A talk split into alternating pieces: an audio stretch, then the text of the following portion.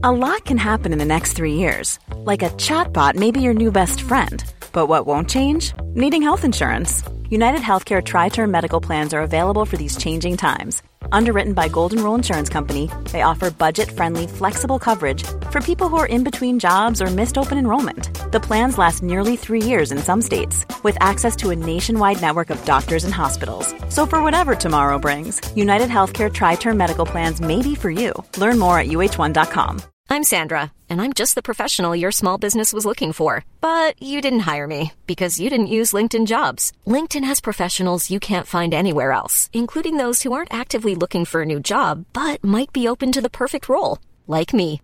In a given month, over 70% of LinkedIn users don't visit other leading job sites. So if you're not looking on LinkedIn, you'll miss out on great candidates like Sandra. Start hiring professionals like a professional. Post your free job on linkedin.com/people today. There's never been a faster or easier way to start your weight loss journey than with PlushCare. PlushCare accepts most insurance plans and gives you online access to board-certified physicians who can prescribe FDA-approved weight loss medications like Wigovi and Zepbound for those who qualify. Take charge of your health and speak with a board-certified physician about a weight loss plan that's right for you. Get started today at plushcare.com slash weight loss. That's plushcare.com slash weight loss. plushcare.com slash weight loss. Ja, Øystein, er du klar for pod? Ja, ja, ja. Jeg er klar for pod. Virkelig, altså. Ja, nå har vi satt oss ned igjen. Ja. Nei, det, det er spennende tid. Jeg syns ukene går så fort nå når det er Ja, det er liksom det, Jeg vet ikke, det er ikke så mye som skjer, og da, da går de fort. Uh, men det er stadig spennende ting, altså. Virkelig. Jeg, jeg syns faktisk det er lenge mellom hver pod. Ja, det er det. Ja, jeg syns Ja, det er lenge mellom hver pod. Jo da, det skjer jo litt. Jeg har jo vært på et fint lite raid her òg nå, og fått levert og henta litt logistikk. Men med personavstand og munnbind hele veien. Ok. Ja. Ja, ja, ja, du har jo vært på tur, du. Ja, det stemmer det. Det er hyggelig. ut. Nei, kjør i gang, da. Vi kjører pod.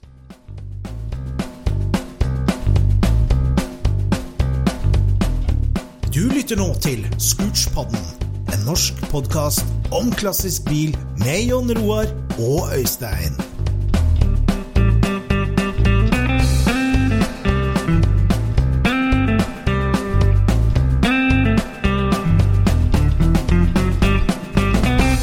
Yes, ladies and gentlemen, velkommen til Scootspod, episode nummer 59. Vi ruller på, og um, i dag så har vi tenkt å prate litt om uh, ting som har skjedd uh, uka som gikk, og så skal vi gå litt i dybden på bilentusiasten. Så du kan uh, legge deg godt til rette på couchen din. Finn liksom, legg hodet litt høyt, finn en god, stabilt sideleie. Og så skal vi gå litt i dybden på hvem er du, du som er bilentusiast. Hvor skal du hen, hva er du opptatt av, hva slags forskjellige typer personlighetsforstyrrelser finnes det for bilentusiaster? Det har vi tenkt å Ja, for litt det er jo det vi må finne ut først her nå. Vi må jo lage noen kategorier. Ja, vi må. Eller har du dette her klart? Jeg er spent, jeg. Ja, altså, vi liker jo ikke Vi skal ikke sette folk i bås, på en måte, men, men det er en del sånn uh, fellesnevnere for bilentusiaster. Og så er det en del leveregler som øh, i hvert fall sånn øh, Altså, øh, vi har jo vært bilentusiaster hele livet, og, og det er noe sånn det er noen sånne leveregler man har lært seg òg, tenker jeg, som du bør styre unna og styre etter. så, Ja. så denne episoden skal handle om eh, bilentusiast, ikke bil-N. Nei, var tanken. ja. Men det, det som òg denne episoden er, det er at vi skal prøve å si før vi starter hva den skal handle om. Så det er òg et eksperiment her nå, om vi får til det. Jeg føler at dette kanskje vi må redigere bort. Nei, nei, nei, nei. nei. Men først, Jon Roar, hvordan har du det? Jeg har det bra. Jeg har det bra. Ja. Nå er det, har jeg vært på en liten befaring ja. hos en eh, eldre herremann Jaha. Som eh, hadde kjøpt seg ei folkevogn. Jaha. Det høres fornuftig ut. Kjekk Her er en eh, hyggelig eh, kar på 82 år som eh, har restaurert et par biler på rad etter at han la opp som snekker. Jaha. Han har jobba et helt langt liv og snekra og, og stått virkelig på, og har en fin liten gård, og der har han et verksted. Og der har det da gått i, i Amcar vært uh, en Amcar? Det måtte jo vært Morgan, vel, hvis han var snekker? Nei, nei, Nei, jeg tror ikke han har så, har ikke så, hatt så fokus på treverk i selve bilen. Ja, nei, ok. Jeg mener, mener det var en Mustang, ja, og så var det én ting til. Det har jeg glemt hva Jeg så ikke disse bilene, jeg har bare fått det beskrevet. ja. Men han hadde kjøpt seg ei boble. ja, fornuftig. Og egentlig så er det jo sånn at eh, hvis du ikke har kjøpt en veldig spesiell eh, boble, så trenger du egentlig ikke så mye eksperthjelp. Nei, det er sant. Jeg synes sånn, på, på, det, på gjennomsnittet så trenger du ikke så veldig mye eksperthjelp. Men Nei. han hadde klart å kjøpe en relativt ny bil. Du vil jo si at den er kliss ny, Ja. eh, men hvor det er masse spesielt. Oi, Hvilken årsmodell er det, Øystein? det er 67. Det er 67. Ja. Og hvilken av 67-ene er den mest spesielle?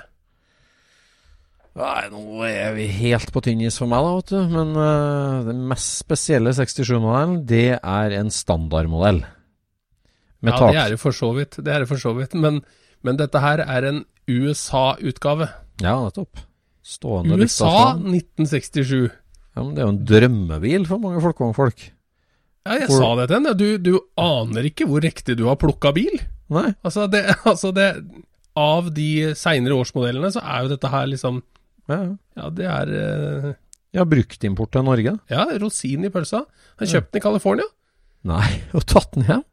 Har det? Men vet, vet du hva, han har ikke gjort det. Han har kjøpt den av en nordmann som hadde kjøpt den i California. Sånn var det.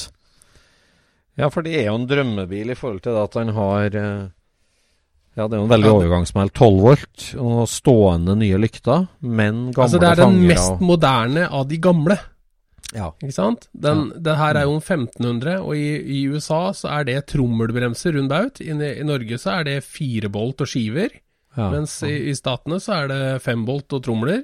ja. Det er 12 volt. Eh, med, altså, all den gamle mekanikken er gjort om til 12 volt. ja. Og det er liksom Det er så mye rart på de bilene, ikke sant. Men det, det mest spesielle er jo at de lagde skjermer med stående lykter Mm. året før kravet kom om at, hvor høyt lyktene skulle sitte.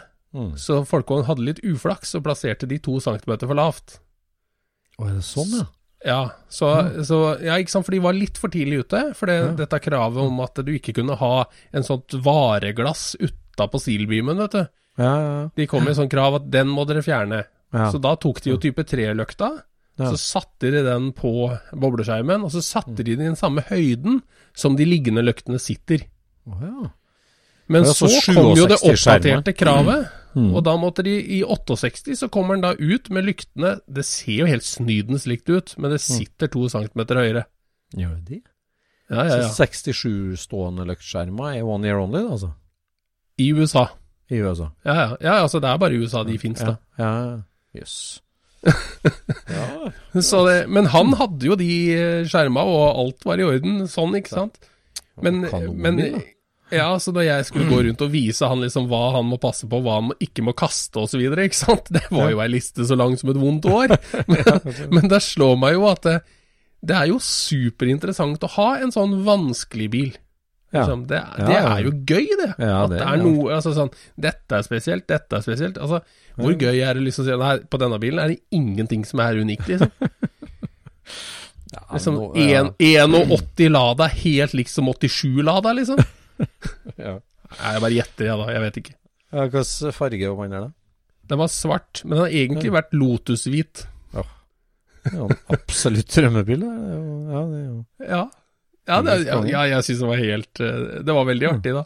ja. Så Men hva var planene med den? Skulle den uh... den skulle restaurere den. Skulle bli helt strøkken.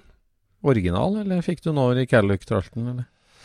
Nei, den skal vel bli original, tenker jeg. Men det har jo vært en tidligere eier der som har flytta litt rundt på knappene på dashbord og, og, og litt sånt, da. Så øh, Men han hadde jo ikke sant, Den har jo øh, nødblink. Det hadde jo ikke bobla før året etter.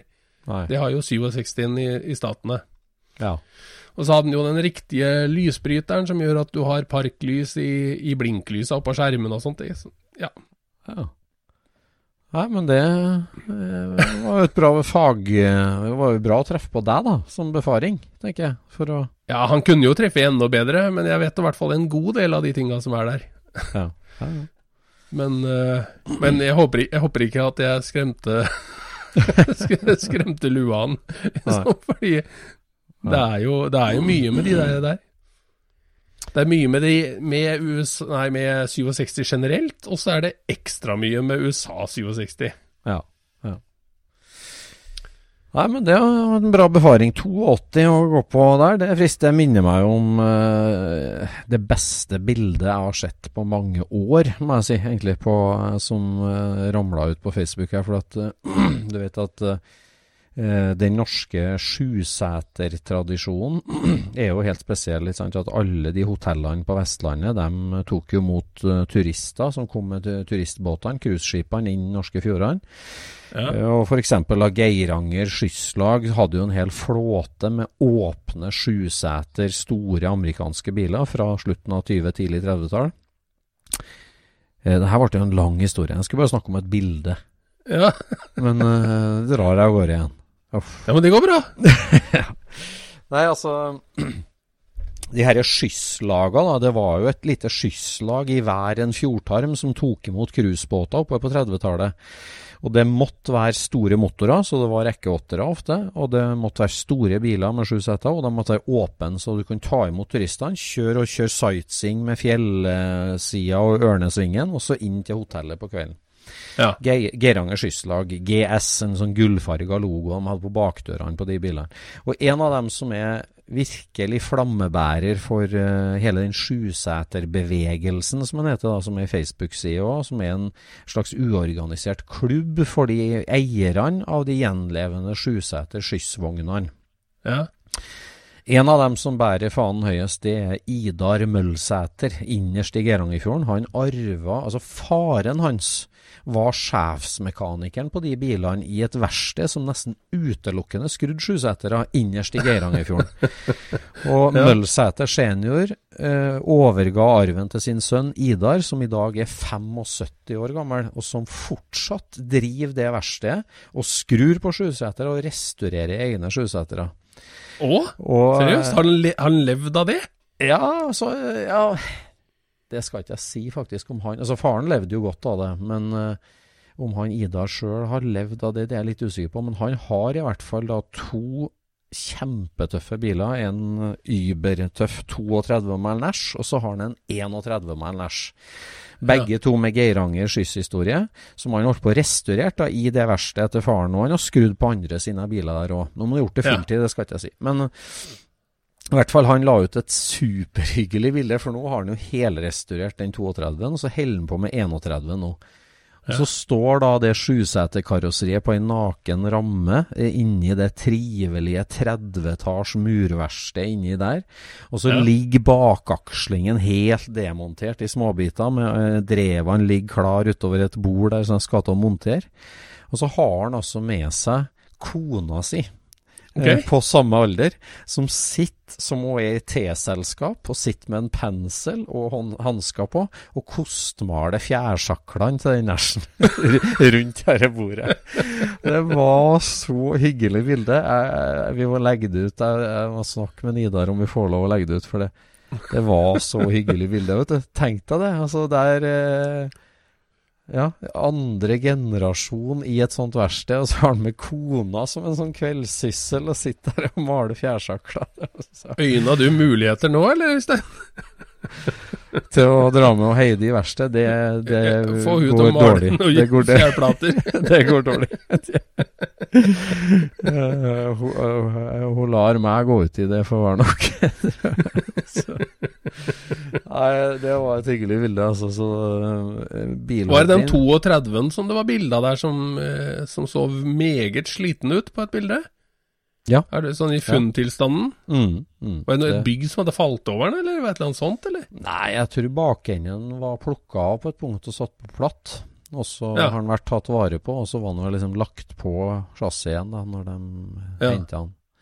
Så den er jo ferdigrestaurert, og nå holder Møllsæter på med, med en til, da, nesten maken bil. Og da er kona med i verkstedet. Ja.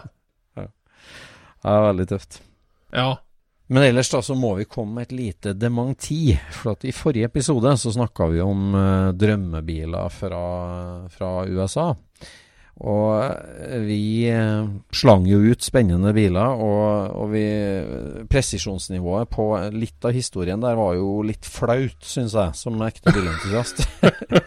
og det har vi heldigvis lyttere som er årvåke nok til å påpeke tvert, og det, det, det, var bra.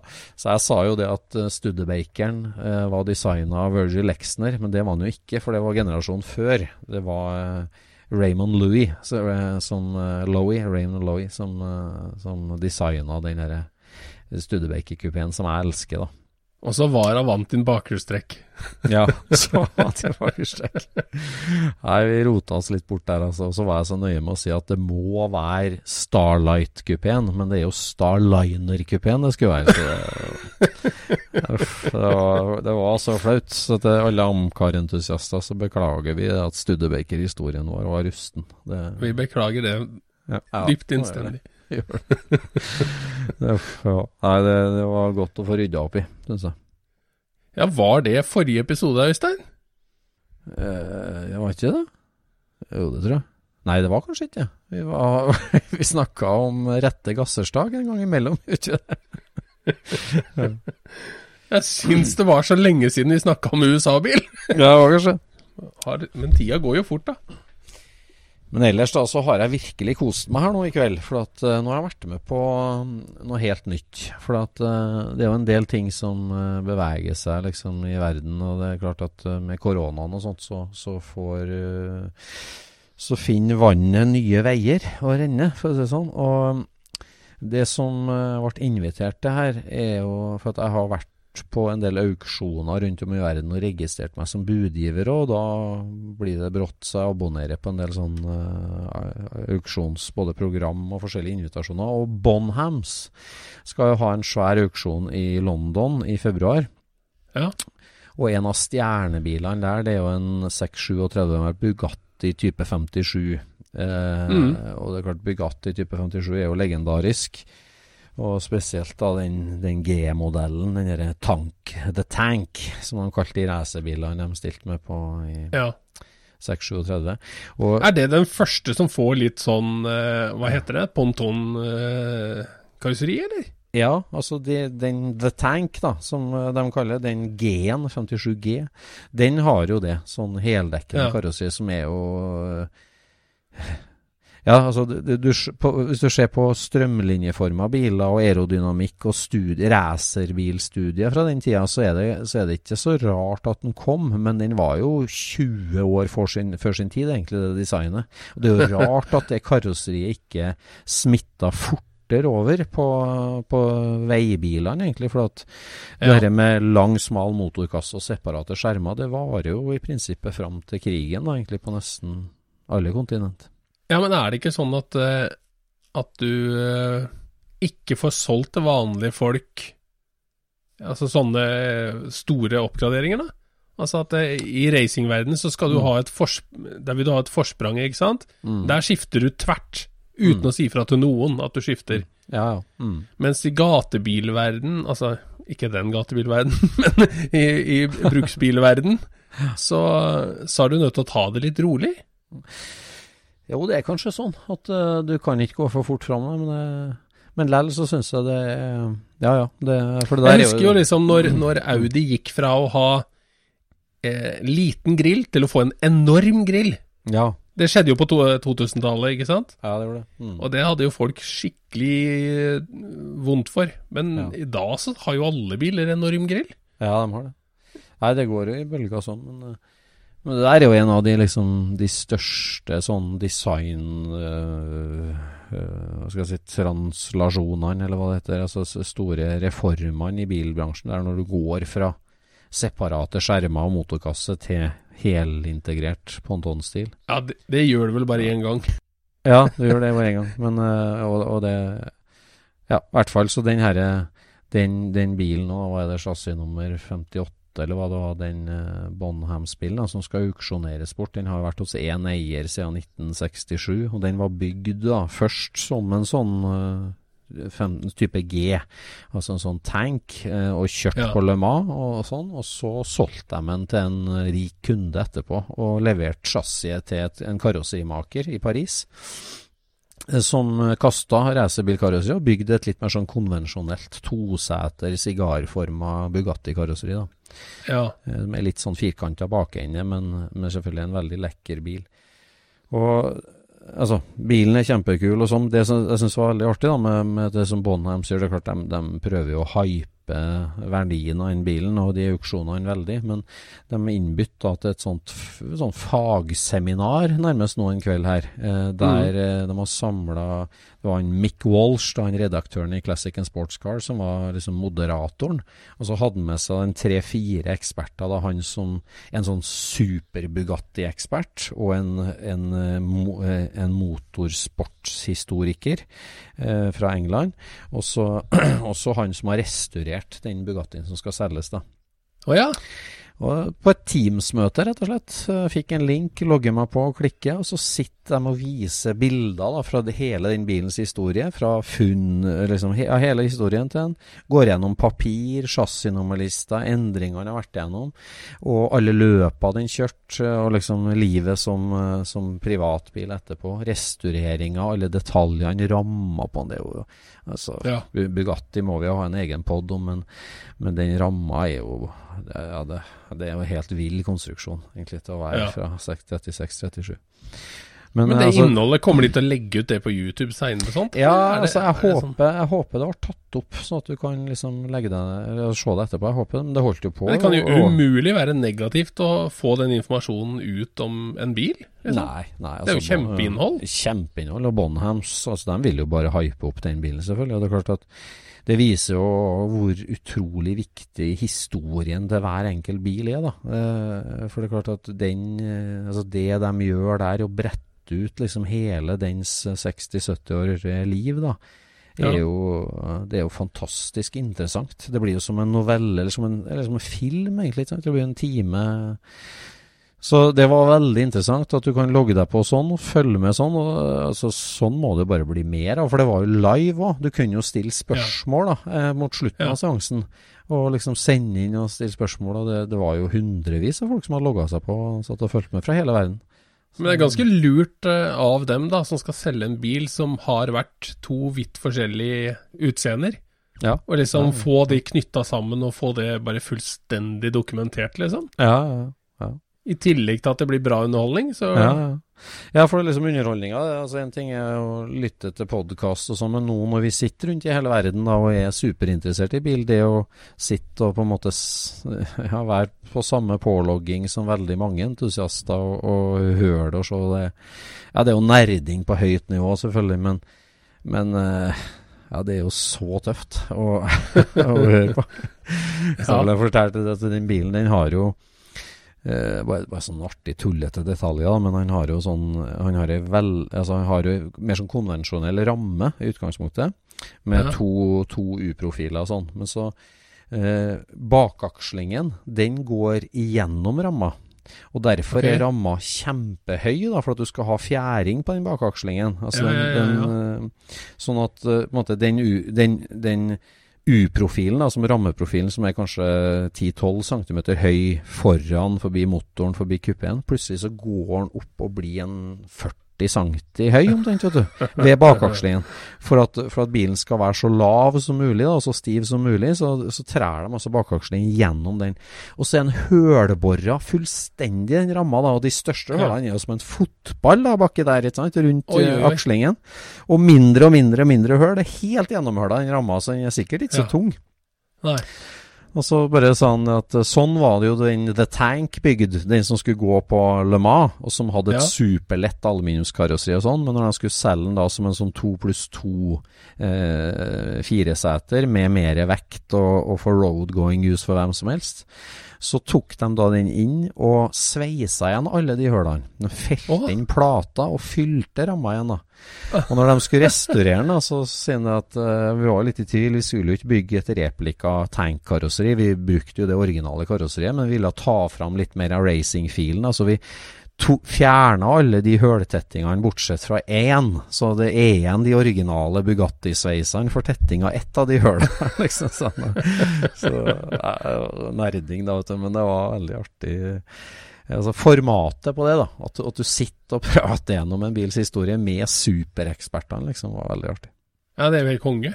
Det er jo er så artig å være til stede når sånt skjer. Ja, det er det. Så, så jeg håper de gjør mer av det der. der. Så får bare late som en er spekulant på mer, så vi er på, vi kommer på ny, nyhetslista. så, så ja. Ja. det var bra. Ellers, hvordan eh, går det Sande, står det til i Sandefjord? Nei, altså det er jo Jeg jobber jo stort sett bare med snekring og, og sånne ting, men det, det går jo hele tida å tenke på noe, ikke sant? Mm. Og det, det har jo vært Det har jo vært spindler og forstillinger som, som jeg har vært uh, litt inne på, da. Ja. Jeg har sett på en YouTube-kanal hvor Ja. det er en som går gjennom et uh, Ja, det er vel nesten et ti år gammelt Formel 1-chassis. Oi. Jaha. Eh, faren hans jobber med å vedlikeholde sånne mm, eh, vintage eh, Det er jo ikke vintage egentlig, da, men litt eldre Formel 1-biler. Ja. Og de Altså, når du ser på de tinga som er på den bilen du, Det er ikke til å skjønne at det ikke er dagens, altså. Ja, det. Det er liksom så Det er utstudert og så utrolig smart laga. Ja. Det var, dette her var jo De kikka på, um, på den der um, Det er sånne pushrods vet du, i, i forstillinga for, Mm. for at du skal kunne flytte fjærene Mm. i, eller demperne inn i bilen. Mm. Eh, og da har du noen sånne rockers, som Mm. er liksom den som tar opp krafta og vrir dette rundt. Ja. Og den er jo da Den veide mindre enn eh, kaffekoppen deres. Ja. og, og var da eh, stor som en svær knyttneve i aluminium. Og så var den så hadde den en diameter som var eh, ja, rundt en 13 cm eller noe sånt nå. Ja. I kroppen, kan du si. Ja. Så det ser jo ut som det er en massiv, svær kloss, ikke sant? Ja. Og så går en bolt gjennom den der her som, for, å- som han vrir seg rundt, da. Mm. Men den var jo da laga i to deler. Fresa ut helt hul inni, Mm. så satt sammen, og så tiggsveisa rundt midten. Ja. Så han ser ut som han er svær og massiv, ikke sant? Ja. Helt hul. Men da har han jo da er han helt hul, og så har han den overflaten han må ha for å ta de kreftene, ikke sant? Mm. For det er jo liksom Kreftene går jo i, i Mm. ytter, ytterskinnet Ja, ja. på han. Det er jo det er så tøft, liksom. Det er bare sånn å tenke ut istedenfor å gå opp i vekt og mer eh, Hva skal jeg si eh, Mer masse. Det blir jo litt mer masse, men du setter Ja. massa riktig. Ja, ja. Det gjør jo det gjør det jo så kult. Det er godt. Det er godt. Og det eneste som på en måte er bedre enn det der, Mm. er jo når du kjører sånn eh, femanalyse, og så får du sånn organisk Mm. design, ikke sant? Mm. Mm. Men vet du hva? Der detter jeg av. Nei, Det syns ikke jeg er kult. for da er det liksom Da er det, Da er det- nothing altså- left to imagination. Da er liksom alt? Ja, altså det som, det som jeg Ja, det kan jo hende at det er det det er, for jeg klarer ikke helt å sette fingeren på hvorfor jeg ikke syns det er kult. Mm. Men, men det som jeg har tenkt, er at det går ifra å være eh, noe en datamaskin gjør, Mm. fra å være noe som et menneske gjør, som er håndverk. Mm. Det er slutt på håndverket, liksom. Det er bare et uh, Ja, det er bare en datautregning. Du blir en skikkelig fan av sånn AI, du, skjønner jeg. Eh, Nei, altså Artificial det, intelligence. Mm. Nei, men altså, det, jeg syns jo liksom at uh, Du kan si at det eh, Når det er utregna datamaskin, så er det jo så vakkert, men det er på en helt annen måte, liksom. Mm. Jeg syns det er mye, mye stiligere å se liksom hva, hva designeren har tenkt, og hvilke former som han har utgått ifra. For at mm. Mm. Ja, det blir jo så cleant, liksom. Ja, det blir det. Men det, i forhold til sånne deler, da, så det jeg ser på så Jeg vet ikke hvorfor jeg får opp det i feeden min på bl.a. Facebook, men det er jo sånne håndholdte 3D-skannere for å skanne deler. Eller eh, Ja, ja, ja. Det begynner jo å bli så enkelt og så billig nå. Så når, vi, når jeg jobba på Tink i sin tid, så, så kjøpte vi, eller leide vi jo, en sånn 3D-skanner. Men det var jo en svært apparat. Altså, som, altså det var jo som en sånn ja, med, med mange akser og en sånn glideskinnesystem og et sånt kamera og greier. Så det var jo Ja. Ja, vi lånte en sånn robotarm og i tillegg, men altså, nå får du jo sånne håndholdte. Du teiper opp noen merker på, på bordet, omtrent. Så den har noen tre pickup points, liksom. Og så er det Ja. bare å håndplugge i USB-porten og skanne, så, så har du den. Jo, du, du, har, du har jo formen, men den kan vel strengt tatt ikke brukes til noe. Den brukes jo som, som referanser eh, når du tegner på nytt. For at hvis du skal endre på ja. noen ting, så, Nei, altså- så, så må du jo liksom ha brukbar eh, geometri som du kan endre. Ja, ja, nei, altså du får en punktsky da, som du tar inn i et CAD-program, og, så, og så er jo det en, en mal, eh, måte. men altså for å Ja. kopiere deler, da, tenk på, på det Svim-prosjektet mitt, der er det jo Ja. mange støpt ja, støpejernsbiter, da, som er med, med knekte ører og vanskelige ting. Altså det med hele det sjaltehuset og firehjulstrekkersystemet. Det er masse sånne veldig komplekse ting som er Og det å kopiere en sånn en, da, det er jo plutselig veldig lett, da. Altså Før var det Det er veldig lett, men det må være et menneske til stede. Ja, det må det. For, det. for det er sånn eh, Når du kjører sånn automatiserte prosesser, sånn som når du skal rentegne en logo eller et eller annet, da, så kan du, kan du ta inn en strektegning, Mm. skanne inn, og så kjører du gjennom eh, Streamliner i Illustrator eller noe sånt, nå, så, så tegner den rundt. Mm. Og der kan du gi en liksom beskjed at dette her er et ganske firkanta design, eller dette er et veldig rundt design. Mm. Men da, da er det sånn at når han finner en rett strek, så prøver han å se om det ikke er litt grann bua her. liksom. mens, mens på alt det andre runde, der gjør han jo en ganske god jobb, men på der som det skal være rett, der skjønner han ikke at det skal være rett. Da tror han at det her skal kanskje være en bue, for det er en liten piksel som mangler her, liksom. Og så gjør du det motsatte, da stiller du den inn på at den skal være rett. Da blir den rett der han skal være rett, og så er den for rett der han skal være bua. Så det må liksom alltid være et menneske som gjør en avveining. Hva, Ja, ja. Mm. Hvilken vei skal pendelen slå, i alle tilfeller, liksom. Ja. Og det føler jeg at det er Når en støpt del er maskinert på en side, Mm. så må det mennesket bestemme hvor maskineringa skal skje. Ja. ja. Det er i hvert fall sånn sånn. min erfaring med, med disse her eh, trådskyene. Mm. Mm. Men det er helt fantastisk at du ser når folk skal bygge bil i dag, altså sånn racebil og sånt noe. Mm. De skanner jo hele sida av motoren, girkassa, alt mulig greier, og så, og så designer de jo hjemme i, i sofaen, liksom, hvordan eh, drivaksjeren skal komme seg forbi motoren, hvordan opplagene skal sitte og alt mulig sånt. Og så lager de det, og så går de og skrur det på. Mm. Det er ikke den testing og vater og hei og hå, liksom, sånn Nei, som vi Nei, vi vant til. Nei, det er helt konge. Det er en helt ny verden. Det er helt ny verden. Det er det. Absolutt. Ja, ellers så har jeg kommet i gang i garasjen litt igjen nå. Det, nå har det vært litt sånn Det har vært minus 15, og det har vært uh, mye annet greier med jobb og forskjellig, så jeg har liksom vært litt slapp i garasjen etter nyttår. Jeg har vært bedre på andre nyttårsforsett i år. Men uh, nå har jeg kommet i gang igjen, og det er deilig, altså. Ja, hva er det som skjer nå, da? Nei, nå er det Jeg klar, altså, jeg har jo et sånt syndrom eh, som kanskje er litt sånn betegnende for mange. For at eh, For meg så er det sånn at når en bil er 85% ferdig, så er det da, da, da kommer det til et punkt liksom der, der Da begynner jeg å tenke og jobbe med andre ting veldig fort. For at, eh, og det, og det eller 85% altså Sånn som den 46-bobla nå, ikke sant. Så har jo holdt på ganske intensivt. Altså, det er jo en bil jeg har hatt i 15 år, og har jo aktivt jobba med nesten i 10 år, egentlig, fra vi begynte å sveise gulvhalvdeler og alt sånt. Så det har vært en et lang, lang prosess som har gått litt sånn i parallell her og der. Og så siste året nå, da har det vært full gass i verkstedet her, og den har liksom gått fra en Altså, først gikk den fra en opprusta haug, så gikk en til en masse fine restaurerte deler. Og nå gikk jo alle de delene sammen i en bil som nå står på verkstedgulvet, og som er eh, 90-95% ferdig. Det mangler Mm. noen ruter og litt interiør og noe småtteri, men ellers så er den stort sett ferdig. Og da, og da er den jo der. Den der den, den Ja. rus- eh, Først var det en rustholk som skal bli til noe, og så var det en delehaug som skal bli til noe, og nå er jo den der. Den Ja, forvandlinga har allerede skjedd. Ja, liksom den Nå, nå, nå ser den ut som alle de drømmene jeg har hatt i hodet i 15 år. Liksom, Ja. nå, er, nå, er, nå er den deilige bryteren satt på, den akkurat perfekt slitte dørhåndtaket sitter der. Eh, nummeret, dekoren, liksom alt det der som skal på. Det nå, nå, er, nå er det liksom puslespillet lagt, på en måte, da. Selv om eh, et par hjørnebrikker mangler, liksom, så ser du hele motivet på puslespillet, og det er deilig å se på og hyggelig.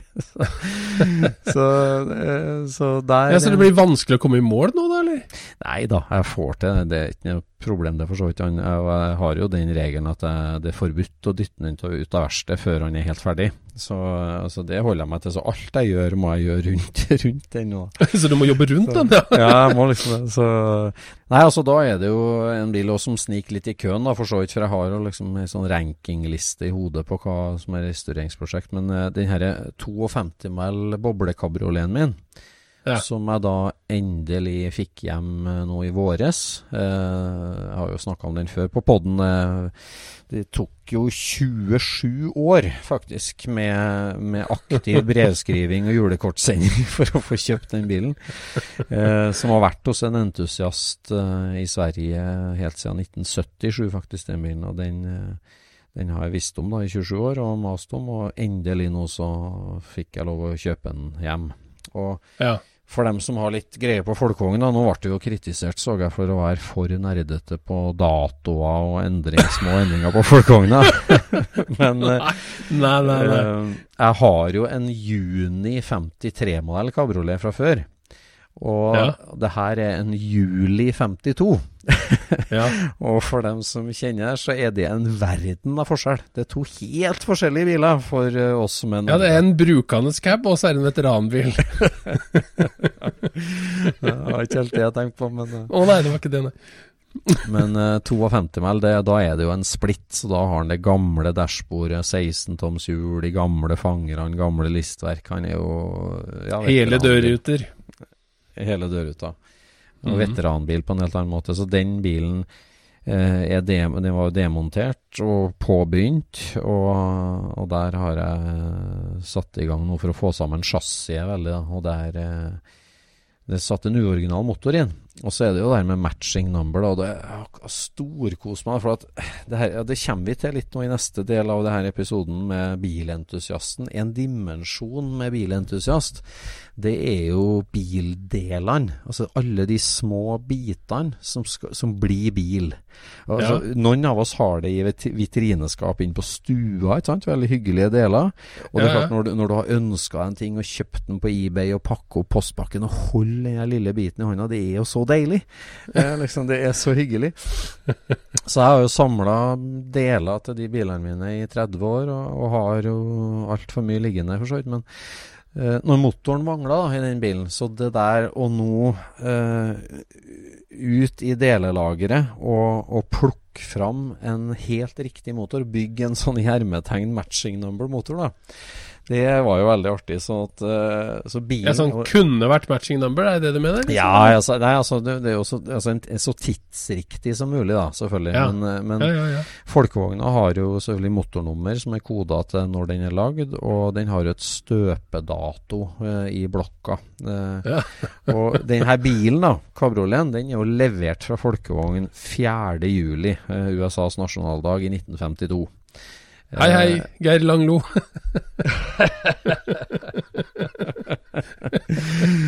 Og, og da hadde jeg en motor på lager. Det er jo 25 hesters motor. Jeg har mange sånne. eh, Og var gjennom alle motorene. Og den her er altså støpt den 24. mai 52. Ja. Og motornummeret er fra midt i juni 1952. Og bilen er jo levert 4. juli. Så, og, det, og det var en veldig hel og fin motor fra topp til topp. Mangla en del eh, black og litt gasser og forskjellig sånt. Og så, da, og så er det jo datostempling på alt. ikke sant? På, på, på bensinpumpa, på coilen og på forgasseren og dynamoen er det datostempling. Ja. Så å, trille ut alle dynamoene mine på alle startmotorene mine og alle forgasserne mine, og gå gjennom Bosch-lista og Solex-lista på datostemplinga og plukke ut da sommeren 52 på alt sammen. Og det, var, det er så artig. Jeg jeg, jeg bare spunnet i middagsbordavrydninga for å komme meg ut i verkstedet, altså for å samle Så eh, nå har jeg plukka sammen den motoren. Eh, montert den sammen fra topp til tå, fra luftfilter til tennplugger, kan du si, med, med liksom helt riktige deler. Og de er òg patinert i en sånn veldig helhetlig eh, følelse. Og nå Ja. sto den motoren på benken helt komplett, og den ser ut smekk som den er tatt ut av eh, 4. juli 1952. Og, og akkurat sånn perfekt patinert. Så har jeg rensa den og skrubba den og satt den inn med sånn lagerolje fra Biltema, min nye favorittspray, som det går fem bokser av i uka for tida. Um, sånn Og kjørt den til. Buskerud. Og kjørt den til Buskerud for overhaling. Ja. Nei, det, så, nå, så når den da var helt ferdig, så, er sånn egentlig sammenmontert, så har jeg levert den da til, til overhaling eh, til en veldig kyndig eh, kar som eh, tar det. Og det, det blir så hyggelig. Og selvfølgelig igjen, ikke lov å røre noen overflater. Det er bare innvendig kirurgi. Bare kikkhullkirurgi. Så nei, det har jeg kost meg med, altså. Og forstilling har jeg funnet, fra tidlig juni, da, riktignok. Eh, Girboksen er jo ferdig overhalt allerede. Den er også juni 52. Så, så det her ligger nå klart, da. Så det går an å skru sammen det chassiset ganske og får tilbake motoren. Så går det an å sette sammen egentlig et kjørbart chassis som er ja, helt eh, så rett som det går an, altså, til den bilen. Så det blir hyggelig. Men hvis du skulle ha solgt den, hadde du sagt at det var matching numbers? Da hadde jo ikke det. Nei, jeg kan jo ikke altså, det- Nei, det, det, kan, det kan jeg ikke si. Men at den er period correct, da. For å si sånn. Det en, altså, for meg så gir det jo stor tilfredsstillelse. Altså, det er jo en altså, Det med eh, På låven så har du en haug da med sju-åtte forstillinger, liksom. ikke sant? Og klart, det er jo bare tungt jern du har løfta på siden jeg var 16, ikke sant? Du lempa det hit og lempa det dit på hengere. Og det er jo nå da gå gjennom alt det der, sjekke alle serienumrene og sortere det og komplettere opp med riktig tromler og få spylada med steameren og, og satt på nye lager og fått på ovatrollen, og det er jo så hyggelig. At liksom det døde, tunge jernet plutselig blir liksom verdi, da, og finner sin Viktig. plass, da. Ja, ja, ja. ja. Så jeg har, jeg har skikkelig kost meg, det har jeg gjort. Så Det høres sånn ut, i hvert fall. Ja da. og midt oppi der så fikk jeg levert de der feilskjærte rutene mine òg, så nå er det jo ingen unnskyldning for ikke å gjøre ferdig siste 5% på 46 Bob Ja, Du har fått ruter i riktig størrelse? Ja, jeg har det. Eller han sa de var riktig størrelse, for jeg har ikke åpna kassa ennå. Men, eh, så nå blir det nabodugnad igjen. Mine, mine faste TNT, Terje og Trond, som må komme og hjelpe til å sette inn rute.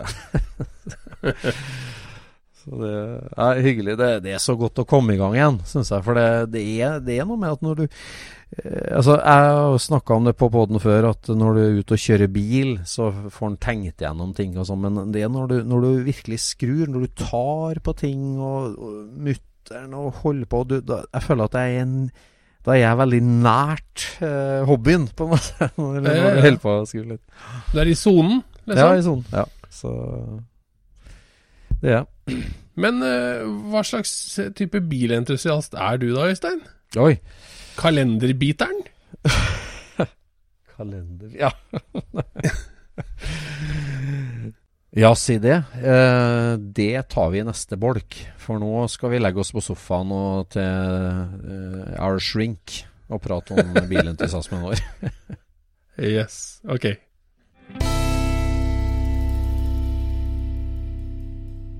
Yes, vi skal inn i eh, å snakke om det som vi alle har felles, at vi er bilentusiaster.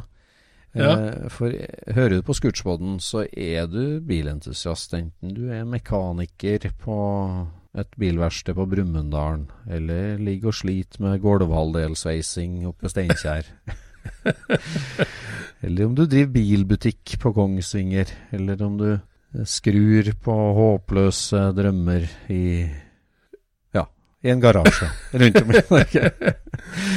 Så er du bilentusiast. Og det her med hva slags type en bilentusiast? Hvordan, hvordan hvordan driver folk bilinteressen sin? Altså, vi er jo så forskjellige. Det er alle samfunnslag og det er alle typer som er i bilhobbyen.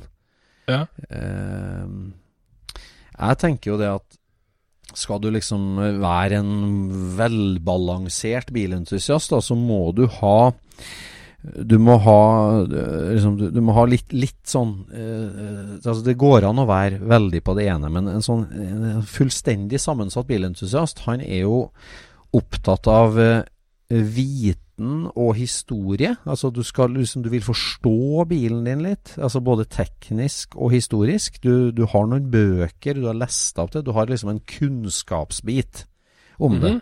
Og så er det jo en sånn mekkebit. Altså det å skru litt og reparere litt. Men det kan være sånn bytt tennplugg, bytt olje eller vasken, helt ned til sånn fullstendig restaurering. Men sånn, du må liksom du må, du må like å lese litt om den og kunne litt om den, og du må også like å ta litt på den og øh, gjøre noe med den og skru litt på den.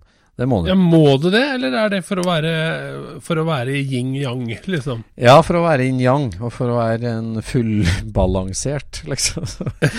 Eller, jeg vet ikke. Det, det, det, er ikke noe vi skal, det, altså, det er ikke målet med en sånn seanse i hele tatt å snakke om uh, hva som er feil og hva som er rett. Det er ikke. Men jeg tenker at uh, altså, som, som i, i en og samme person så kan du finne litt av alt, eller du kan kanskje finne en bildentusiast som er veldig, veldig på én ting. men men altså, det, det er i hvert fall en sånn Det er en, det er en viten- og kunnskapsbit. Det er en gjøre- og ta-på-bit. Og så er det selvfølgelig Ja. en, en kjørebit. Altså det å, Ja. å kjøre bil. Du må, du må Ja, liksom Noen er jo bare opptatt av det, men øh, Og så det klart, så jeg vil jo snakke også om det her med, liksom, det her med å, å jakte og leite og finne puslespill og være nysgjerrig og detektiv. At det er jo en sånn veldig dimensjon, da. Altså samlerdimensjon.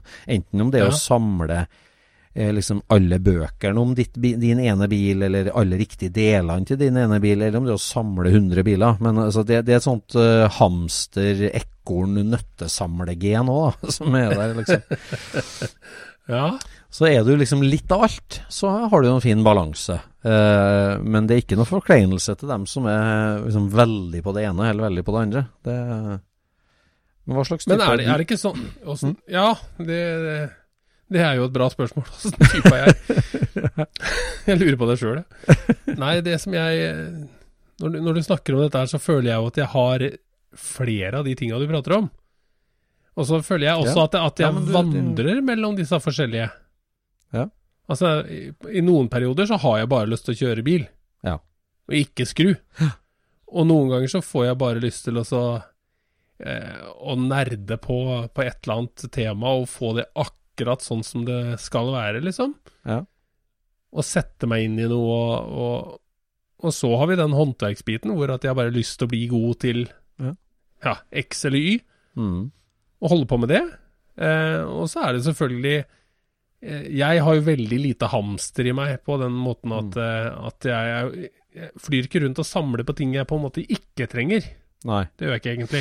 Nei, du har en mer sånn, sånn rasjonell tilnærming til hamstringa, du. At liksom ok, jeg trenger det og det og det, og da får jeg skaffe meg det. Men altså, det er jo ikke noe glede i det å skaffe seg det, på en måte. Så, så, så. Jo, jeg syns, jeg syns det er gøy. Jo, ja. Jeg syns absolutt det er gøy å finne tinga. Ja, Det er bare det at, eh, at jeg kommer aldri til å kjøpe veldig mange flere enn det jeg trenger av noe. Nei. For, at, for å legge det på lager, kan du si. Det, det vil det må i så fall være felger. ja, ja, det er, der, der møtte deg sjøl i døra. ja. Men, eh, men, eh, men sånn Hvis jeg skal liksom finne et eller annet til, til 49, så kjøper jeg ikke to. Nei. Hvis at det er bare én på bilen. Nei, nei. Da går jeg videre etter at jeg finner én, Ja, ja, for å si det sånn. Så jeg føler at jeg vandrer litt rundt der, men, Mm. men jeg vil egentlig si at, eh, at jeg er en, en bilentusiast som har lyst til å være kreativ med bilen. Mm. Eh, og så syns jeg det er gøy å Altså, når noe skal være riktig, så skal det være riktig. Mm. Så, så, så jeg, jeg setter liksom på en måte ikke feil del på fordi at jeg ikke vet bedre. Det Nei. skjer ikke. Nei. Ja, du vil Jeg setter, feil, jeg setter feil del på hvis at jeg vil at det skal være feil del på bilen. Ja. Ja. Men, men jeg vil vite hva Mm. som er riktig, før Mm. jeg går vekk fra det. Mm.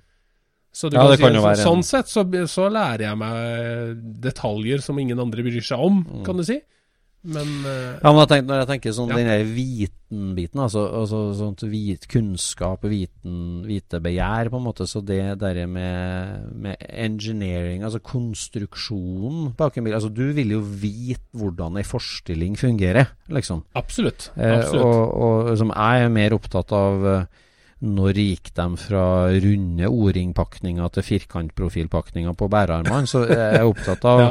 jeg, jeg vil Også, jeg, jeg lurer jo da bare på hvorfor. ja, nettopp. Ja, men Det er forskjellen på oss. Jeg vil vite datoen det skjedde, men du vil vite hvorfor det skjedde. Så, Ja. og det, det, er jo, det er jo vitebegjær, kunnskap, bøker, forstå, forstå det du driver med. da. Og det, det, er og det er veldig viktig for eh, altså det, det er et element i bilhobbyen. Du, du, du kommer ikke noen vei uten det i en bitte liten grad, i hvert fall. Altså, Nei, det, det er for så, vidt, eh, for så vidt sant, da, men det er, det er Jeg kjenner jo øh, folk som, som, har hobby, som har hobbybilen for å møte andre med hobbybil. mm, Og som på en måte De vet hvilken årsmodell bilen er, og hva farven heter, osv., men, men detaljene det er ikke så viktig, for det er en bil. Liksom, det er en Mm. kul bil, og, og, og det holder egentlig. mm.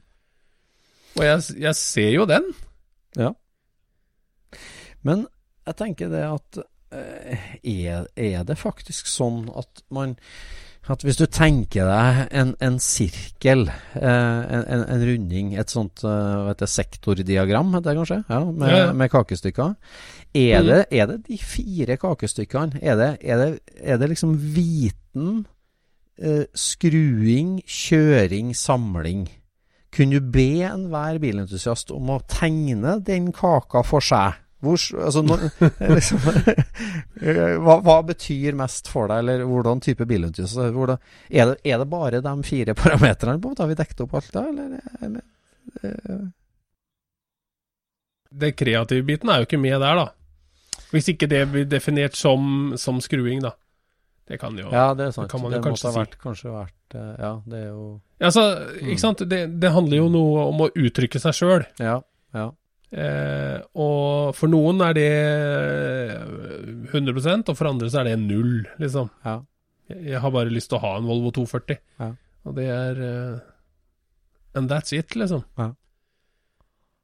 Nei, men du kan jo tenke deg Det har vært, vært artig altså, ja, Hvordan skal han måle, eller, eller hva skal jeg si, sette bilde på den derre eh, sånn, eh, Du kan være en kjempegod mekaniker og like å skru og skru og skru, men det skal bare være helt originalt og bli helt perfekt. Eller du skal bygge om og være hotrod og skru og der eh, Jeg vet ikke helt hvordan du skulle Mm. sortert på det, men hvis man har tenkt, tenkt seg liksom ei, kake, da, og i utgangspunktet så var det en fjerdedel, en fjerdedel, en fjerdedel. Kjøring, mekking, vi, eh, kunnskap, samling. Og så Mm. folk om å liksom si ja, hvordan ville du justert kakestykker for å representere deg? Du, du, har fått, du har fått noen som bare hadde én svær kjøring, og så to tynne streker bare med det andre. Og så hadde du noen som ja. Så får hele kakestykket med samling Ja, ja hele kakestykket, Bare hoarding. Ikke sant? Det, jeg, får aldri, jeg får aldri skrudd. Jeg får, jeg får aldri tida til å sette meg og lese. Jeg er bare ute og samler og samler og samler og hoarde. Hoarders det er jo en egen kategori i Amerika. altså, Og kjøring, det er også det å være sosial, da. Så at Ja, det, en ja. som bare driver med hoarding, han er vel ikke så sosial, nei, heller, nei, nei, nei, kanskje ikke så sosial. Nei. Har ikke tid til det. Altså, jeg kjenner jo altså En kar jeg kjenner, han har en av de største litteratursamlingene i Norge, og han kan enormt mye om si før, ja, i hvert fall førkrigsbil, da, og før, før 1960 i hvert fall. Men han har, Mm. han har ingen hobbybil sjøl. Oi. Han har ikke. Har ikke en bil. Nei, for det er ikke viktig. Nei, ikke viktig. Men han har hver enda bok som er lagd. Altså det er meter på meter på meter med hyllemeter inni stua hans. Men har han ikke bil fordi at han ikke kan få tak i den optimale, eller er det for at han Nei, ikke vil Nei, det betyr ikke så mye for han. Altså sånn uh, Han bor i en leilighet i Oslo, og sånn, jeg har ikke noe god plass. Jeg er ikke så flink til å skru, liksom. Nei. Men, men, jeg, men jeg er dritinteressert i bil, liksom. Uh, uh, ja. Han, Ja. eh, han burde jo egentlig tatt inn som gjest, vet du, men eh, så Men det er vel egentlig ganske mange fagfelt hvor du kan være skikkelig interessert uten å ha noe håndgripelig. Ja, ja. Det Ja, men er altså ikke meg, så så, uvanlig, egentlig. for meg så jo det helt, eh, blir jo det helt absurd, liksom. Jeg har ikke Det kunne jo vært eh, sånn. Men eh, Nei, men det, det er en interessant kombinasjon der, altså. Jeg lurer jammen Ja, han, har heller, han, heller, han har heller ikke noe ambisjon om å skaffe seg det. Nei. Han skal, Han, skal er nok, det. han er nok sånn liksom at hvis han har snubla over en, en kjempespennende sak, liksom, så har han kanskje eh, gjort det. Men han er ikke noe sånn aktiv på leiting at liksom åh, jeg drømmer om den. Liksom, da skal jeg Han er ikke det, altså. Nei. Så Og så Ja, og så Vi kjenner jo folk som eh, skrur og skrur og skrur og skrur, på en måte, og er i Mm. verkstedet hver dag og holder på og holder på. Jeg vet ikke hvor mye de tar seg tida til å lese og studere forskjellige ting. Men hva med eksponeringsbehov? Ja, det Altså, Burde ikke det vært et kakestykke også, jo som ofte står på null, men som hos noen står på ganske mange prosent? Ja, er, altså, vil, altså er du, byg, du, du bygger en bil, mm, eh, og du bygger den til dagens trend, og, og du, du syns på Elmia, og det eneste folk forventer av deg, er at du kommer en ny en neste år. mm, Ikke sant? Og da er du egentlig Det du egentlig driver, er jo å bygge en mer merkevare på deg sjøl. ja. Det, det handler ikke egentlig om akkurat den bilen. For året etter så er den på en måte Da er den glemt, Mm. og, så, og så er det liksom the next big thing, liksom. Mm. Ja, men altså, det er jo Du må Og det er jo ikke det at man er mindre bilinteressert av det. Nei, men altså, du, du kan jo ikke ha noen som er, er bare det. Altså, du, du, du, må jo være bilinteressert òg. Du er ikke bare opptatt av eksponering. Nei, nei, nei, nei, men jeg mener at det hadde vært en av de kakestykkene, Ja, ja, for å si det sånn. At, det. at du Mm. hadde en uh, Mm. 10 som var Mm. Så det handla om det, og det var Mm. derfor du skrudde, og det var derfor du satte deg inn i ting, Ja. og det var derfor du studerte trender, liksom. Mm. Fordi at du skulle vise at uh, her er kunnskapen min. Mm. For det er jo egentlig det det går ut på. Du Det det. viser hva du kan. Det er jo ikke liksom Å, den blei sånn. Det er jo Mm. ikke sånn det Nei, funker, liksom. Nei, altså anerkjennelse, det er jo et menneskelig behov. Altså Maslovspyramiden er vel det et sted? Eh, Eller er kanskje på toppen, nesten, ikke? Eller hvordan er det? Og det vet ikke jeg. Nei, behovspyramiden. uh, altså det med, det med anerkjennelse og respekt, liksom, og sånn at det, det er klart at det er viktig, og det er ikke liksom det å skryte det, det, det Altså sånn Mange av oss hadde nok gleda oss over bilhobbyen på ei øde øy helt alene òg, men, Ja, ja, ja. men uh, ja det, det, men alle- jeg mener ikke at folk går rundt og, og trenger dette her sånn, men jeg bare mener at på, av de fire kakestykkene, da, mm, så syns jeg kanskje den mangler litt. Ja, At eh, Mm. enten så er den i det sosiale, Mm. å få en sånn anerkjennende nikk for det du Fordi at du har skrudd sammen i bilen din riktig, eller du har de riktige delene, eller at du har klart å gjøre noe som er veldig vanskelig. Mm. Ikke sant? Alle de tinga der sånn er jo Det gir deg jo et lite nikk. Mm. Det det. Og de, de menneskene som bare driver med hoarding og ikke viser det fram til noen, Mm. eh, de får jo ikke det nikket, kan du si. nei. Men Er det da like gøy, liksom? Antageligvis. Hvis det er det som driver deg, liksom. Altså I folkevognmiljøet, som vi kjenner godt av på verdensbasis, så det, det er klart at det finnes en del eh, hoarders, sånne gode gamle, som, som egentlig aldri kjører hobbybil til treff. Eh, men som har enorme samlinger. Altså Jeg har vært hos flere i Ja. USA, og det finnes mange i Tyskland òg som er liksom i kategorien. Det er klart at de, de nyter en form for respekt i miljøet, for at liksom eh, Altså sånn Eh, altså det finnes jo et utall med register f.eks. på sjeldne biler, og har du et navn som dukker opp i både KAB-registeret og Porsche Jaktwagen-registeret og skal jeg si Splitt Porsche-registeret, sånn, så, så det er klart at du, du, du nyter respekt. Det er en del navn som aldri har vist seg med bil på treffene. Og Ja. sikkert aldri har vært i et blad heller, men som, som har respekt altså, for det. Så, så hoarding gir kred, eh, Ja. vil jeg si. Men, Men det gjør det veldig i det skjulte, da. ja, det er jo veldig Det er jo bare blant andre hoarders. Ja, ja. Ja. ja. ja. ja. Nei, det det er absolutt en sånn greie. Nei, send oss eh, Hvis du er Scootspot-lytter, se for deg en sånn kake. Og det, vi, det, hva de forskjellige kakestykkene heter, det, er, det tar vi veldig gjerne innspill på. Men Det har vært artig, det. Altså, sett, hva, hva, hva, tenker du om deg sjøl? Hva tenker du om din bilhobby, kjære lytter? Hvordan, hva, hva, betyr mest for deg? Hva er viktigst for deg? Hva, hva gir deg mest uh, kicks? det, ja. Altså, og så kommer jo også personligheten inn, ikke sant? Mm. Noen har jo den personligheten at de leiter etter feil. Mm. Ja, ja. Og en, en, slags grunn til å ikke kunne komme videre. Mm. Det er liksom en, det er en stor bit, liksom. Ja. At uh, her skal her, Jeg setter hele min ære på at alt her er riktig. Ja. Og, og, det kommer i veien for kjøringa. Derfor så er kjøringa veldig lite viktig. Ikke sant? Men det er jo et mennesketrekk mer enn en måte å drive bilhobbyen på. Altså en, en Absolutt, sånn type, det er et mennesketrekk. Ja, for at en sånn type, han er jo det i bilhobbysammenheng, men det er han jo helt sikkert på jobben òg, og helt sikkert hjemme i huset òg. Altså, sønnen har aldri rydda rommet sitt godt nok for en sånn. si nei, nei, nei. En som, som ser det ene 13 mm Kamax-hodet ditt eh, på liksom, Når det ikke er 14 mm. Han, han, vil, han vil se rot på kjøkkenet på en annen måte, da, tenker jeg. Men skal, skal den personen som på en måte aldri kommer videre pga. sånne uh, små feil som bare han ser, da, mm. skal han uh, si at kjøringa er mindre viktig, eller skal han liksom si at nei, kjøringa er kjempeviktig for meg, det er bare at jeg får aldri gjort det? Mm. Ja, nei, altså Hvis du tenker at det er et veldig stort mål, at når jeg får den her ferdig, så skal jeg kjøre til Wolfsburg og homecoming, og det er en stor greie for deg, liksom, at du skal ut og kjøre med den, eh, ja. så må man jo si det, selv om du ikke har gjort det. Men der er du inne på et veldig godt poeng, at det dette med jakten på perfeksjonisme da, blir din egen fiende.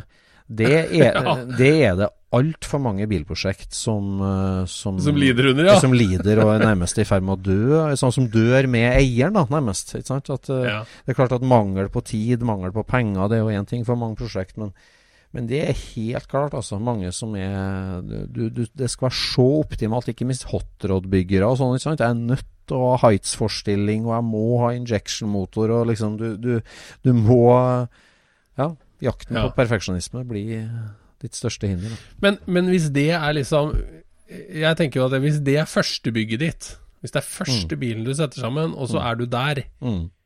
da, er, da, er, risikoen ganske stor for at det ikke blir noe. Ja, den er jo det. Da, eh, da går det på men, men, mm. men, hvis du liksom har bygd en bil først, og så ble den ålreit, og, så, og så har du liksom følt på de manglene mm. Du har liksom kjørt denne bilen, og så bare Ja, det er jo kjedelig at det er feil motor, og Mm. Kjedelig at det er eh, automat. Jeg ville jo hatt manuell, eller mm. whatever, da. Mm. Så tenker jeg da at da, da, kan man jo liksom Da har man en slags egen motivasjon for å, å hø, eh, øke innsatsen på neste bil. Men hvis du liksom aldri har fått, eh, fått prøvd, da, mm. så, eh, så blir det en Hva skal vi kalle det? Ja, da, da tror jeg at motivasjonen er vanskelig å finne ja. rett og slett. Mm. Ja, det er jeg enig i.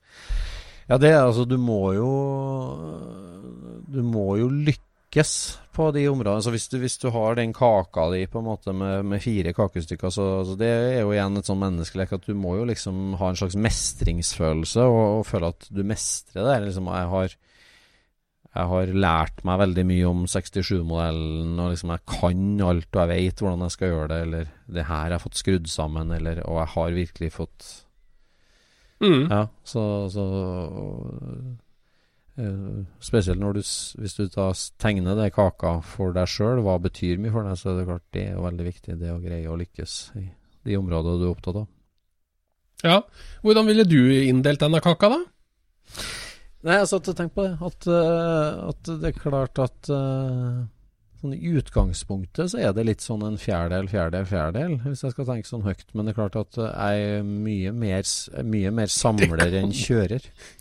Ja, ja, der tror jeg den der slideren må dras litt. Ja, så, så, Men altså, jeg tror det er litt sånn at hvis du tenker at den var fjerdedel i utgangspunktet, da, så ville jeg dratt samlerkakestykket langt over i kjørekakestykket. Men kjørekakestykket har vært der, det òg. Så om det har vært en åttendel mm. eller en fjerdedel, da.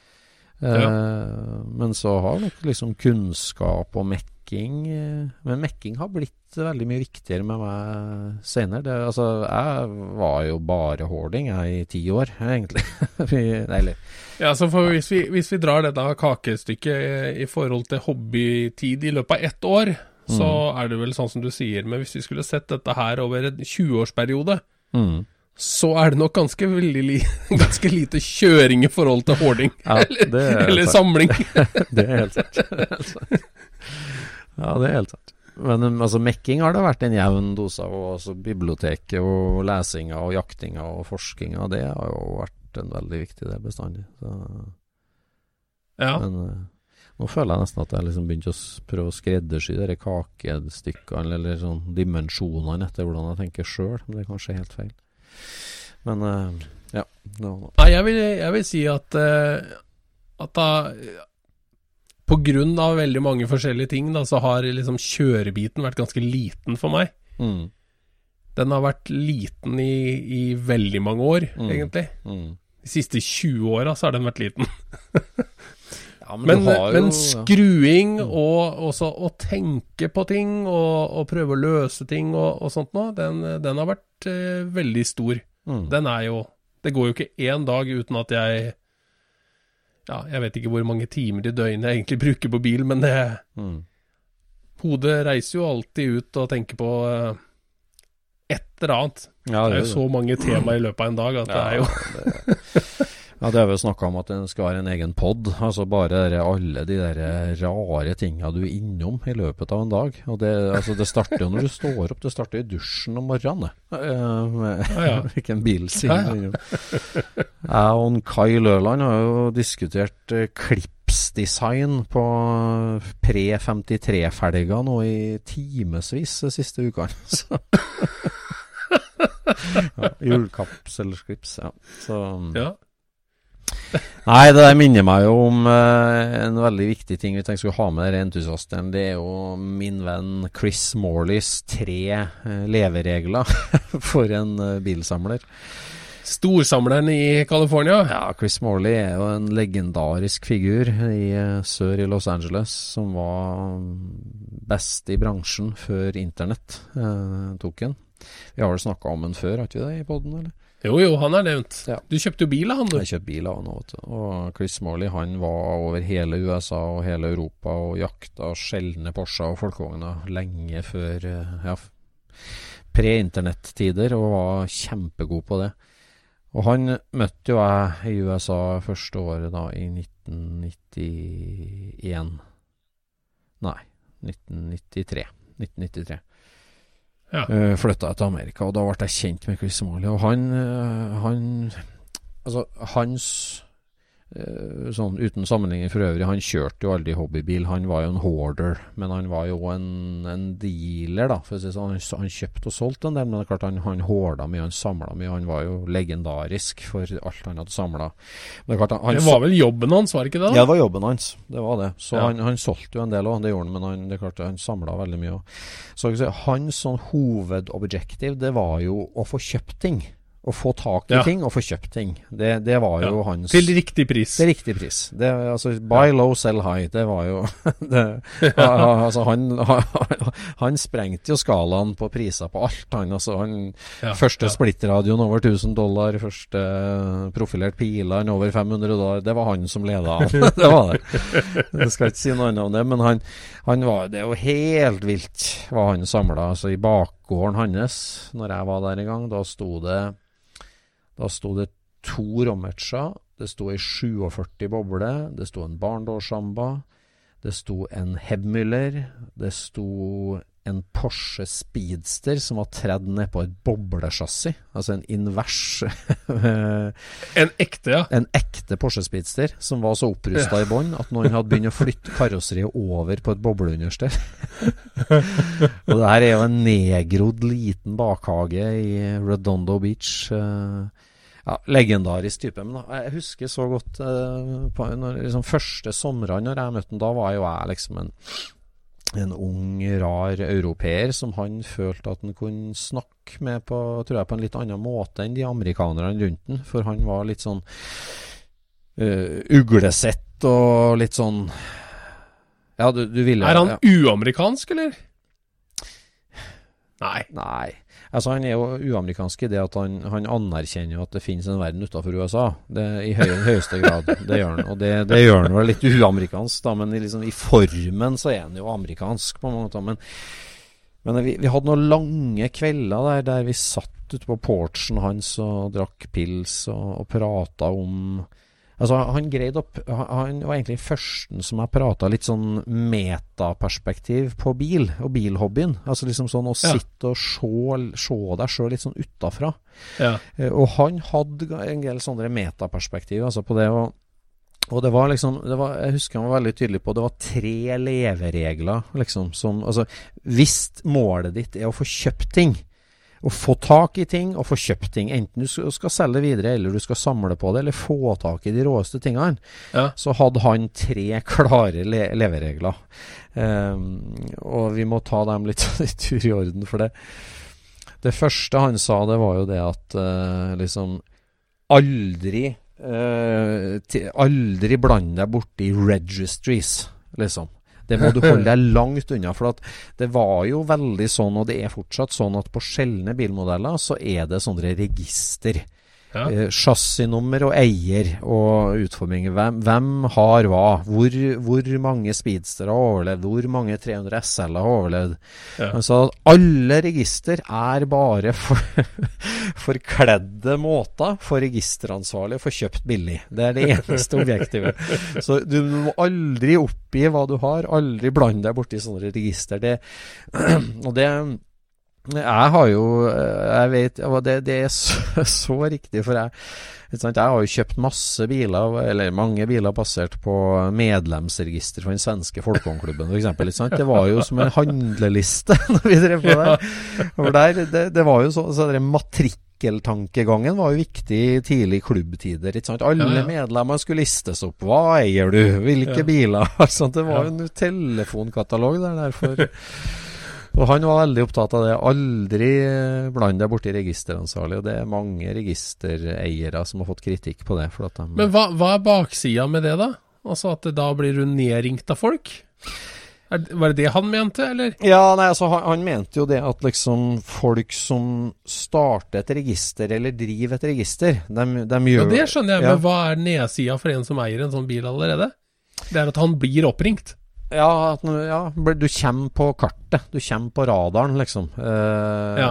Og hvis du dukker opp i mange register, så er Ja. du en storsamler, og Ja, det er ingen som vil selge ja, for det, Ja, det er en ting, absolutt. Men eh, altså, det gikk mest liksom på det der at eh, aldri fortell en registeransvarlig hva du vet om, eller hva du har. Og det er klart at det er fristende hvis jeg vet at det står to sjeldne biler der og der, og så møter han som katalogiserer dem, så er det fristende for meg å si det. Ja, jeg vet om to stykker, men da, da øker du konkurransen om å få tak i en dramatisk, Ja. da, selvfølgelig, over natta.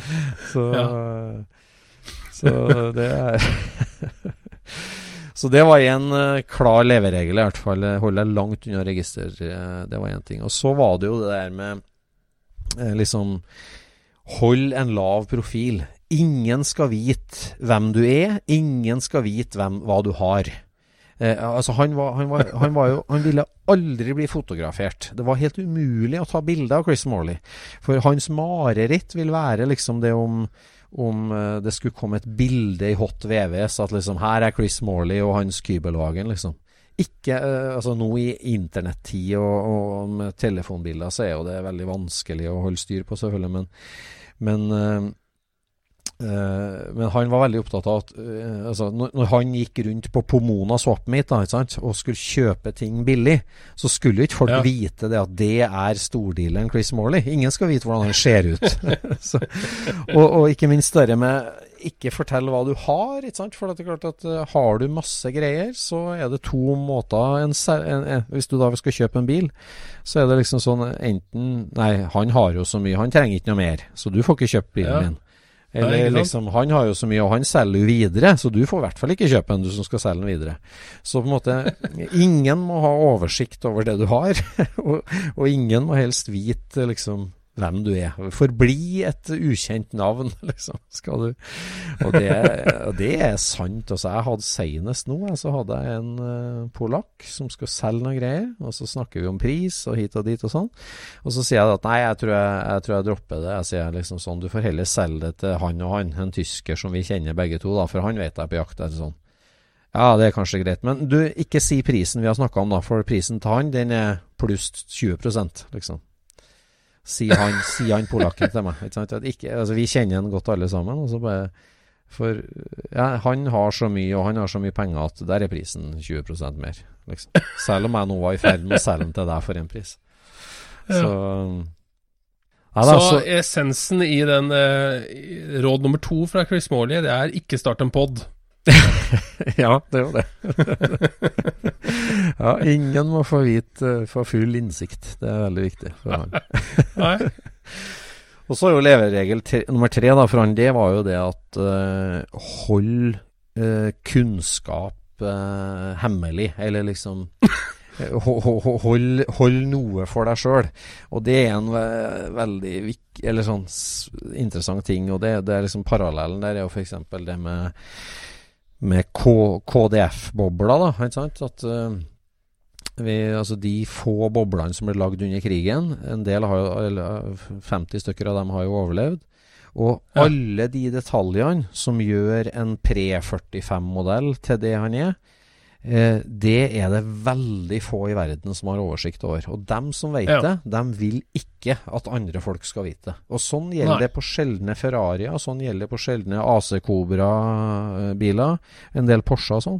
Altså kunnskapen å skille et 50-mile-karosseri fra et 44-mile-karosseri, mm. det, det er veldig få som kan alle de tinga, og dem vil ikke at resten av verden skal vite om det. Og det, var, og det er jo to grunner til. Ja, primært to og grunner. Og det ene, ene er at uh, de vil kunne skille ekte fra falsk når de skal kjøpe noe. Eller de skal, ja. ikke kanskje falsk, men de skal kunne se hva, hva jeg ser på, liksom. Ja, ja. Ja, altså det vil si at de skal kunne kjøpe en gammel bil for en lav sum, ikke sant? Ja, ja altså hvis du er på kjøpersida Det her er jo igjen da, altså Morley han var en kjøper. Og hvis du skal kjøpe noe, ikke sant? og hvis du kommer til en fyr som veit akkurat hva han har, han veit at det her er en 43 mæl, det vet han virkelig godt, da er jo prisen mm. kjempehøy, på en måte. For da, ja. da veit selgeren hva han har. Men hvis selgeren sier 'jeg har en gammel splitt jeg skal selge', og Hvis du mm. da kommer dit og du greier å se detaljer Ja, den har vært bygd om i fronten og krasja i rumpa, og dørene er nye, altså, men skrotten her, den er fra 43. Hvis du greier, ja. hvis du greier å skille det eh, fra liksom bare ei gammel boble til der, så, så, har du kunnskapen som gjør at du kan kjøpe lavt. da kan du kjøpe lavt, ja. Og, og, så er det jo selvfølgelig da på den forfalskingssida at, at uh, ingen i bransjen vil jo at Altså Hvis det var ei side som lå ute som, som systematiserte absolutt alle detaljene som gjør en 43 mil til en 43 mil, så kunne jo hvem som helst ta et 50 mil karosseri og forfalske det. Eh, så, mm. så, så, er kunnskapen der helt i fri flyt, så blir det masse forfalskninger som blir vanskelig å skille. Da. Noen, noen detaljer må ikke alle vite, for da går, an, da går det an å skille forfalskning fra ekte. Men hvordan vet disse forskjellige som har eh, kontroll på dette her, at den andre vet? De kan jo ikke fortelle hverandre der, eller? Eh, nei, altså, sånn, akkurat i det caset med KDF-bobla, så er det jo bare en Altså, du må ha lært deg den kunnskapen med hands on uh, erfaring, for at det finnes ikke noen bok du kan lese det. Og da må du ha vært borti, tatt på, kjent på, studert flere biler, ikke bare én. Og kan ja. si at det er jo bare si at det er ti folk i verden da, som har tafsa på fem KDF-bobler hver. Si sånn. ja, da har du skaffa deg datagrunnlag, liksom, så du har kontroll på 98% i hvert fall. Klart, ingen har vel absolutt alle detaljer, men uh. Og i episode ti så hadde vi med en av de ti. Det syns jeg er ganske gøy. Det hadde vi. Det hadde vi. Det er sant. Nei, og det, altså den der kunnskapen altså det, Spesielt på chassisen, så tenkte jeg på, tenkte jeg på Porsche 911 f.eks. Den kunnskapen om å kunne se på et chassisnummer og si at nei, det her er en S, eller det her er en spesiell rallymodell. Altså kun, ja. kunnskap om sånn, og det er klart at det det, Noen vet jo det, og de vil jo ikke at alle skal vite. Det, Nei. men det er klart at nok Og så kan det kanskje være sånn at det er ikke nødvendigvis de som jobber på fabrikken i dag som vet det heller. Nei, det er ikke det. det, er ikke det. Det Ikke sant? Nei, og det er komplekse ting, og det Det er jo ikke liksom Ja, det, det, det var i hvert fall Chris Morleys tre leveregler, da. Hold deg langt unna Ja. register. Hold en lav profil. Vær så anonym du kan.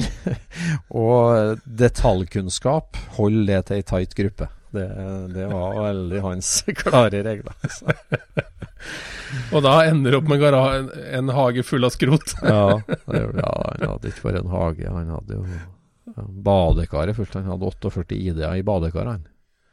Nei, det var, det var helt vilt. Det var helt vilt. Ja. Ja, det er Ja, ja. fantastisk. Fantastisk greie. Nei! Vet du hva som har skjedd siden sist vi lagde pod? Nei. Vi har fått flere patrions. Oi! Enda flere patrions. Ja, så bra. Vi har fått enda en vi ikke kjenner. Oi, ok. Stian Slåtta. Stian Slåtta. Kjenner du den? Nei.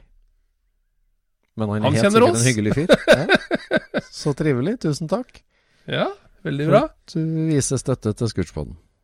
Og så har vi en nabo av deg. Ja. Jon Ånerud. Jon Aanrud på Kongsvinger, Porsche-mannen. Ja. Han har jo vært en veldig ivrig Scooch-misjonær, han. ja, han har hengt på ei stund nå. Han, han har det. Han har det. Ja, det, det er veldig bra. Og har jo gjort et kjempejobb med Cars and Coffee på Kongsvinger. Og, og er en god ambassadør for hobbyen på alle måter. Ja. Nestemann også en god ambassadør for vår hobby, i hvert fall.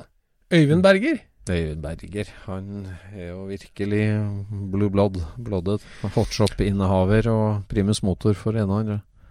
Ja, og han var jo det som danskene kaller for krumtapp Ja, i SSC i flere år. det var han. Han gjorde en enorm jobb der. Ja, det gjorde Det er vi evig takknemlige for. altså. Evig takknemlige for. Og har bygd en hel masse fine biler, bl.a. den som nå er dypt savnet på hver gang vi møtes på TV 2. Så første sesongen uten flåttbuss. Ja. Ja, er det det, ja? ja, jeg tror det. Så nå sitter Øyvind med den sjøl? Jeg vet ikke om han eh, ikke ble ferdig med oppshininga, eller hva det var, men eh, han, eh, han Ja. Den er i hvert fall ikke med. Men Og så tusen takk. siste Ja, kjempebra. Eh, og sistemann, det er Alexios Gidas. ja, åh, kompressormannen med type 181. Grekeren. Ja. ja, jeg trodde i mange SSC at han kom opp fra Hellas, og kjørte på SSC. Og du gjorde det, ja? Ja, jeg trodde det. Men han har jo mekkegarasje bare et steinkast unna. Så det. Det der, det der er jo veldig morsomt. Han kjører en eh, 181, ikke den, en Thing, Ja, ja. som er han begynner å bli en rendyrka dragracer. Ja. altså, han har slicks og frontrunners og Ja. lettvekt salufelger og, og kompressor, liksom, ja. i denne tingen. Det er liksom Det er den mest en- dragrace-vennlige folkevogna som fins. ja, det er det. Ja, Det er kjempegøy. Det er veldig gøy. Tusen takk til alle patrons. Det, det er jo et lite bidrag til, til utstyr og muligheter for Scootspoden. Vi har jo masse planer, Jon. Vi skal jo snart Ja. uh, on the road nå, når vi kan gjøre det uten munnbind straks. Så- Ja, det gleder jeg meg til. Ja, det har vi planer om. Og så er det jo sånn også at hvis du, hvis du liker Scootspoden, så må du gå inn og rate på Ja, der du lytter iTunes? iTunes, ja. Der du lytter, så kan du gi en sånn score. Og det, det har litt om hvordan vi kommer opp i søkefelt og muligheter vi får. Så det er viktig at alle klikker inn der. Ja. Ja. Og følger oss på Facebooken og Instagrammen og sånt noe. Det er, Ja. Eh, vi prøver jo å legge ut litt der og få i gang noen diskusjoner. Det, vi syns jo det er alltid gøy å høre deres betraktninger på det vi har sagt. Ja, det er det. Så hva slags uh, kake vil du bruke til å beskrive bilhobbyen din? Send oss en melding om det.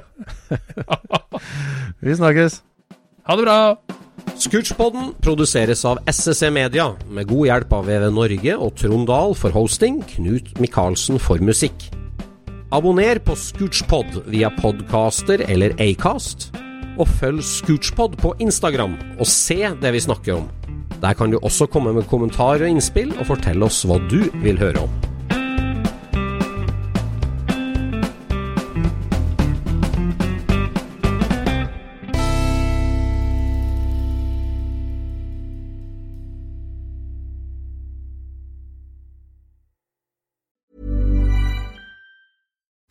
Deserves the best, and there's no better place to shop for Mother's Day than Whole Foods Market. They're your destination for unbeatable savings, from premium gifts to show-stopping flowers and irresistible desserts. Start by saving 33% with Prime on all body care and candles. Then get a 15-stem bunch of tulips for just $9.99 each with Prime. Round out Mom's menu with festive rosé, irresistible berry chantilly cake, and more special treats. Come celebrate Mother's Day at Whole Foods Market. Hey, it's Paige DeSorbo from Giggly Squad. High quality fashion without the price tag. Say hello to Quince. I'm snagging high-end essentials like cozy cashmere sweaters, sleek leather jackets, fine jewelry, and so much more. With Quince being 50 to 80% less than similar brands. And they partner with factories that prioritize safe, ethical, and responsible manufacturing. I love that. Luxury quality within reach. Go to quince.com slash style to get free shipping and 365 day returns on your next order. Quince.com slash style. The secret to visibly firmer, summer ready skin is here. Osea's number one best selling Andaria Algae Body Oil. Clinically proven to instantly improve skin elasticity and transform dull, dry skin to silky, soft, and unbelievably glowing. Rich yet never greasy, Andaria Algae Body Oil is formulated with sustainably sourced seaweed to help replenish the skin's moisture barrier and seven nourishing active botanical oils for results you can see and feel all over. The best part? It's signature scent. A blend of freshly squeezed grapefruit, cypress, and mango mandarin transports you to sun-kissed summer days. This all-natural scent is unforgettable. Everything Osea makes is clean, vegan, cruelty-free, and climate-neutral certified, so you never have to choose between your values and your best skin. Get healthy, glowing skin for summer with clean vegan skincare from Osea. Get 10% off your first order site-wide with code GLOW at OseaMalibu.com. That's oseamalibu.com code GLOW.